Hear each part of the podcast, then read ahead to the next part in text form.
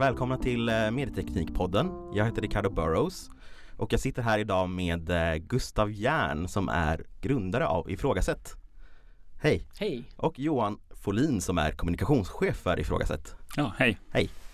Ja, ni har precis haft en otroligt spännande föreläsning men jag tänkte vi kan börja lite grann med att ni själva kan berätta vad ni egentligen sysslar med. Mm, absolut. Ehm, Ifrågasätt är ett bolag som har tagit fram en eh, kommentarsplattform som gör det möjligt att kommentera på nätet. Då. Och vår inriktning initialt här är ju att rikta den till nyhetsmedier. Ehm, och i dagsläget finns vi på bland annat Dagens Nyheter på en stor del av deras sektioner, på Barometern och på Nya Värmlands Tidningar.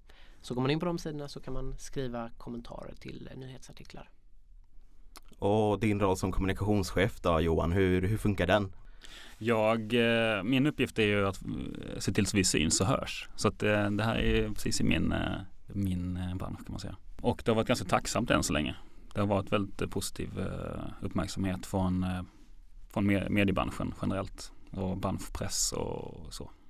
Men varför behövs kommentarer på, på artiklar? Hur, hur tänker ni kring det? Grunden så ser vi två olika värden som tillförs genom att man har kommentarer. Eh, dels det publicistiska som vi har insett är väldigt viktigt för tidningarna mer än vad vi kanske hade trott från början.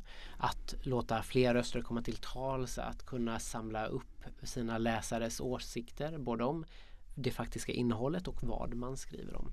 Eh, och skapa en liksom lojalitet och dialog med sina läsare. Eh, sen det vi trodde skulle vara den stora delen som vi har fått ompröva lite det var ju också att kommentarer faktiskt driver mycket värde och det gör de, det är inget snack om saken. Men det vi har insett är att för de svenska mediehusen så var det här inte lika viktigt som vi hade trott mot det publicistiska värdet. Och att kommentarer driver trafik är för att ja, men är du inne och läser en artikel en gång så behöver du inte komma tillbaka. Finns det intressanta kommentarer till kan du komma tillbaka både en och två och tio gånger.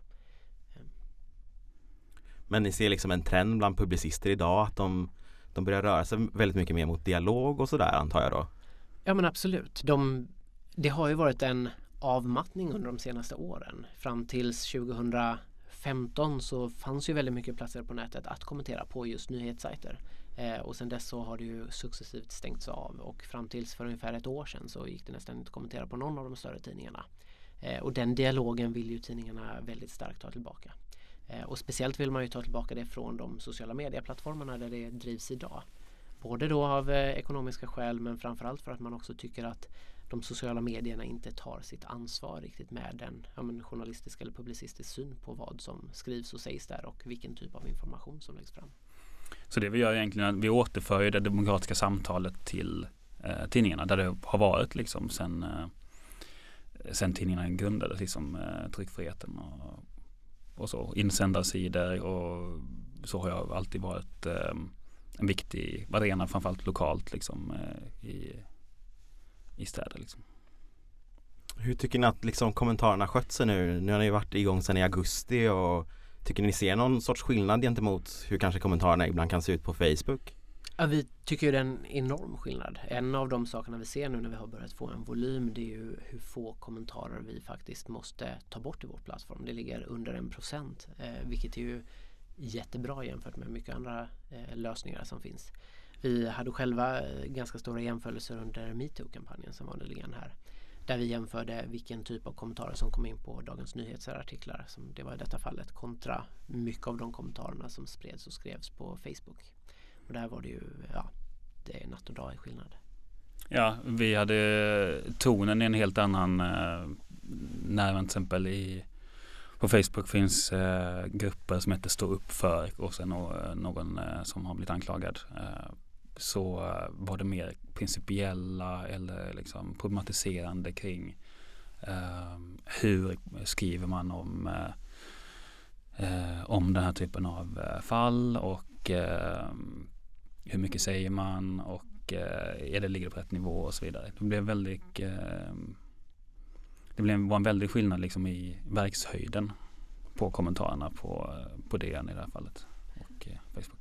Och där har vi själva varit lite förvånade över faktiskt vilken eh, ansats många av de här kommentarerna haft. Att man har en väldigt stor saklighet i sina kommentarer. Eh, man hänvisar mycket till vilken fakta som ligger bakom ens åsikter och sånt. Och det var ju självklart något vi hade en förhoppning om att nå dit men vi trodde absolut inte det skulle gå så fort som det har gjort hittills.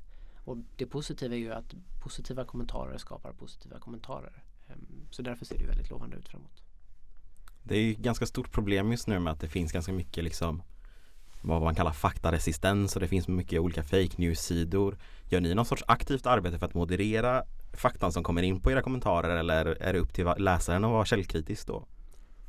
Vi håller på med eh, utveckling av eh, verktyg för att eh, hantera länkar framförallt. Vi har ett referenssystem på, i kommentarsfältet så att man kan referera till externa sidor eller dokument eller rapporter, vad man nu vill. Eh, och där har vi, vi har en plan för hur vi ska ta hand om eh, när man länkar till eh, olika fake, fake news eller eh, till och med sådana saker som att det kan vara tankesmedja eller eh, parter i en konflikt till exempel eller eh, som har olika agendor liksom, som, som är kända eller som, som, som kan vara kända men som kanske inte är kända för alla som läser. Ja, lika mycket som vi lägger värdet där på att förhindra till exempel fake news så vill vi ju öka transparensen i debatterna. Det är ju en anledning varför vi vill att folk ska stå för sina åsikter och varför man faktiskt kopplar sitt konto till sin identitet hos oss. Och lika mycket vill vi hjälpa till att lyfta det då i eh, de referenserna som används. Att faktiskt visa en transparens om eh, ja, att den här faktan kanske kommer från en källa som har en egen agenda också eller är en part i målet. Eller att den är känd, att det är en sajt som är känd för att eh, hitta på. Men eh, hur gör man den liksom journalistiska avvägningen av vad som är liksom Det här är okej, det här är inte okej? I grunden har vi ju mycket som är algoritmstyrt men samtidigt så är de delarna verktyg för våra moderatorer. I slutändan har vi alltid en människa som tar det faktiska beslutet.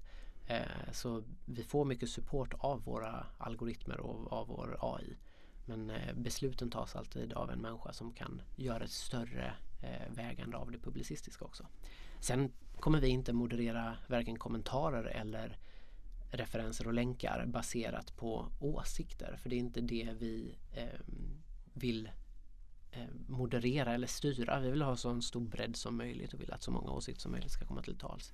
Det vi vill göra är att öka transparensen oavsett vilken källa det är. Vi vill att människor ska tänka en gång till innan man tar åt sig informationen och faktiskt sätta den i rätt kontext. Eh, en av de mest intressanta grejerna jag tyckte ni sa var att ni har liksom börjat rekommendera artiklar som till era läsare eller till era medlemmar som som kanske har andra åsikter än era användare själva har. Eh, hur tycker ni det har gått? Ser ni, någon, ser ni att folk faktiskt börjar läsa annorlunda grejer? Vi har rekommendationsmotorn igång eh, men vi har inte börjat skicka ut det till användarna ännu utan det, det rullar faktiskt bara internt hos oss de där delarna så vi har ingen sån data på det ännu. Eh, men som du säger så är det ju en liten annan ansats än vad till exempel eh, sociala medier ofta har. Där man försöker visa fler nyheter för dig på det du är intresserad av. Vår tanke är att göra tvärtom just att hitta saker som personer du har diskuterat emot eh, att visa dig eh, saker de är intresserade av. Bland annat. Självklart kommer vi visa dig saker du är intresserad av också. Men vi hoppas kunna ha en större mix för att inte få filterbubblor. Mm, eh, om, eh, om eh, rekommendationsmotorn säger att, eller, säger att här är tre stycken artiklar om eh, nästan samma sak. Då är den fel. Då eh, behöver vi justera den. Liksom. Mm. Uh, utan det ska vara en variation i rekommendationerna. Liksom. Intressant. Mm. Um, när tror ni att ni liksom det verkar som att ni har en bit kvar innan ni når liksom eh, igång på liksom full rulle. Hur, hur ser tidsplanen ut? När vill ni liksom ha en tjänst som ni är riktigt så här, nu, nu sitter det liksom? Vi kommer nog aldrig komma dit att vi är nöjda utan detta blir ju en kontinuerlig resa för oss. Både i att eh, lyssna in vad våra användare vill ha, vad våra kunder som mediehusen vill ha och eh, vilka funktioner vi själva tror kan vara med och vara lite disruptiva på den här eh, marknaden. Eh, så som vi sitter nu med den funktionaliteten och den plattformen vi har nu så har vi en fullt funktionell produkt som löser de här ja, eh, basfunktionerna som vi satte oss ut att faktiskt lösa.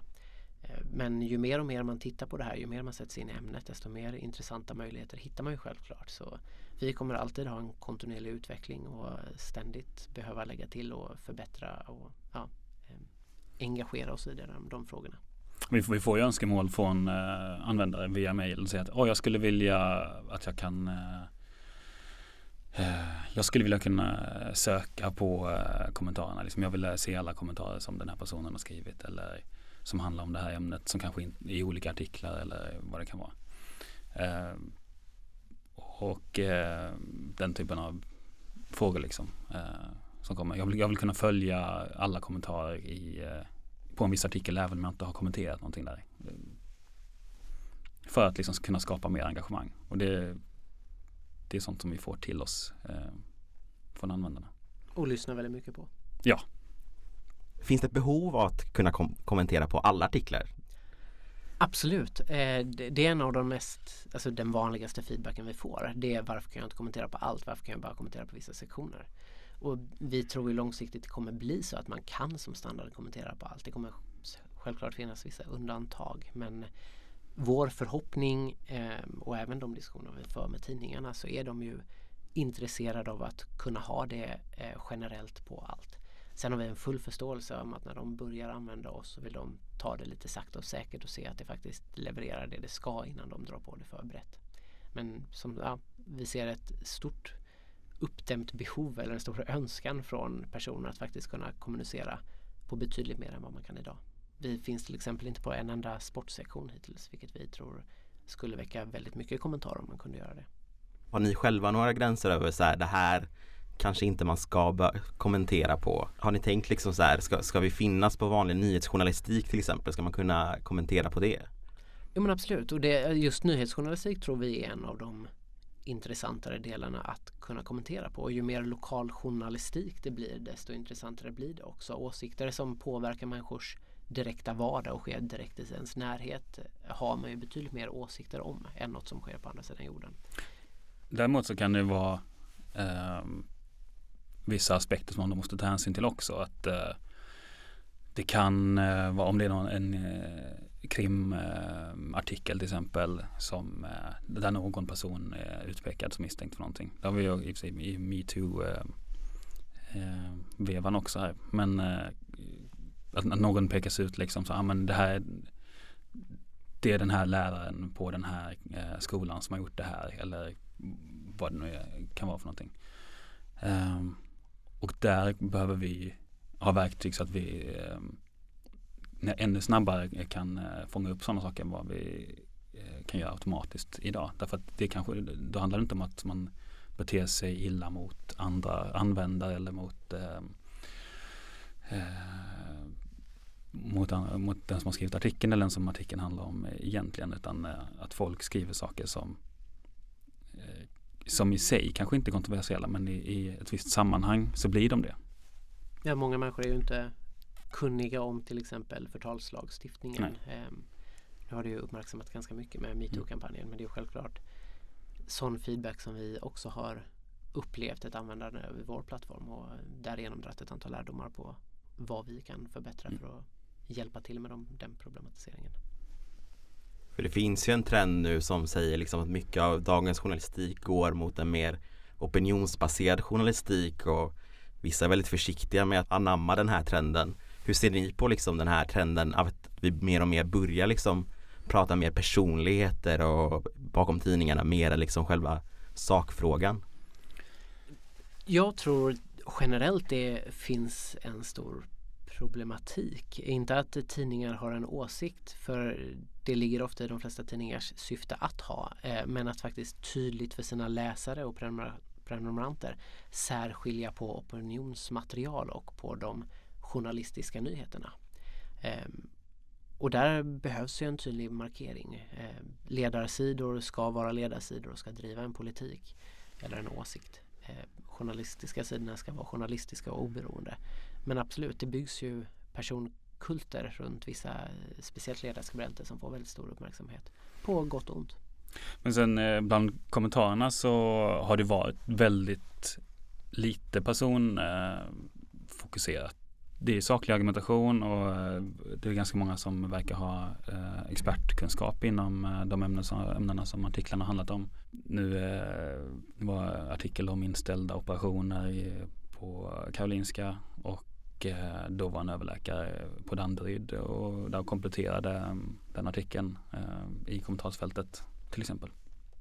Så att det, det kommer expertkunskap i, i sak som komplement till eh, artiklarna.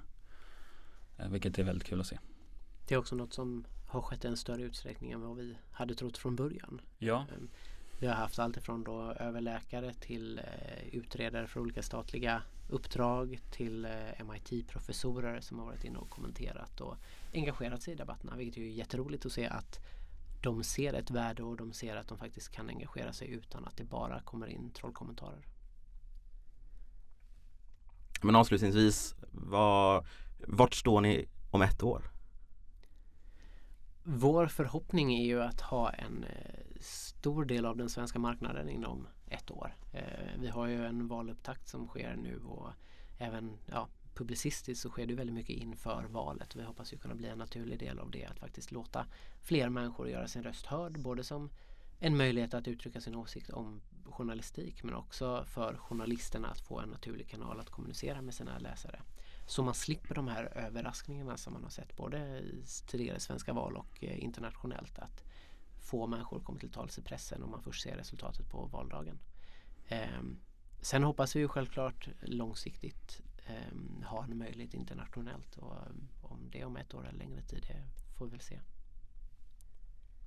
Då så, tack så mycket för det här samtalet så önskar jag lycka till med ifrågasätt. Tack så jättemycket. Tack.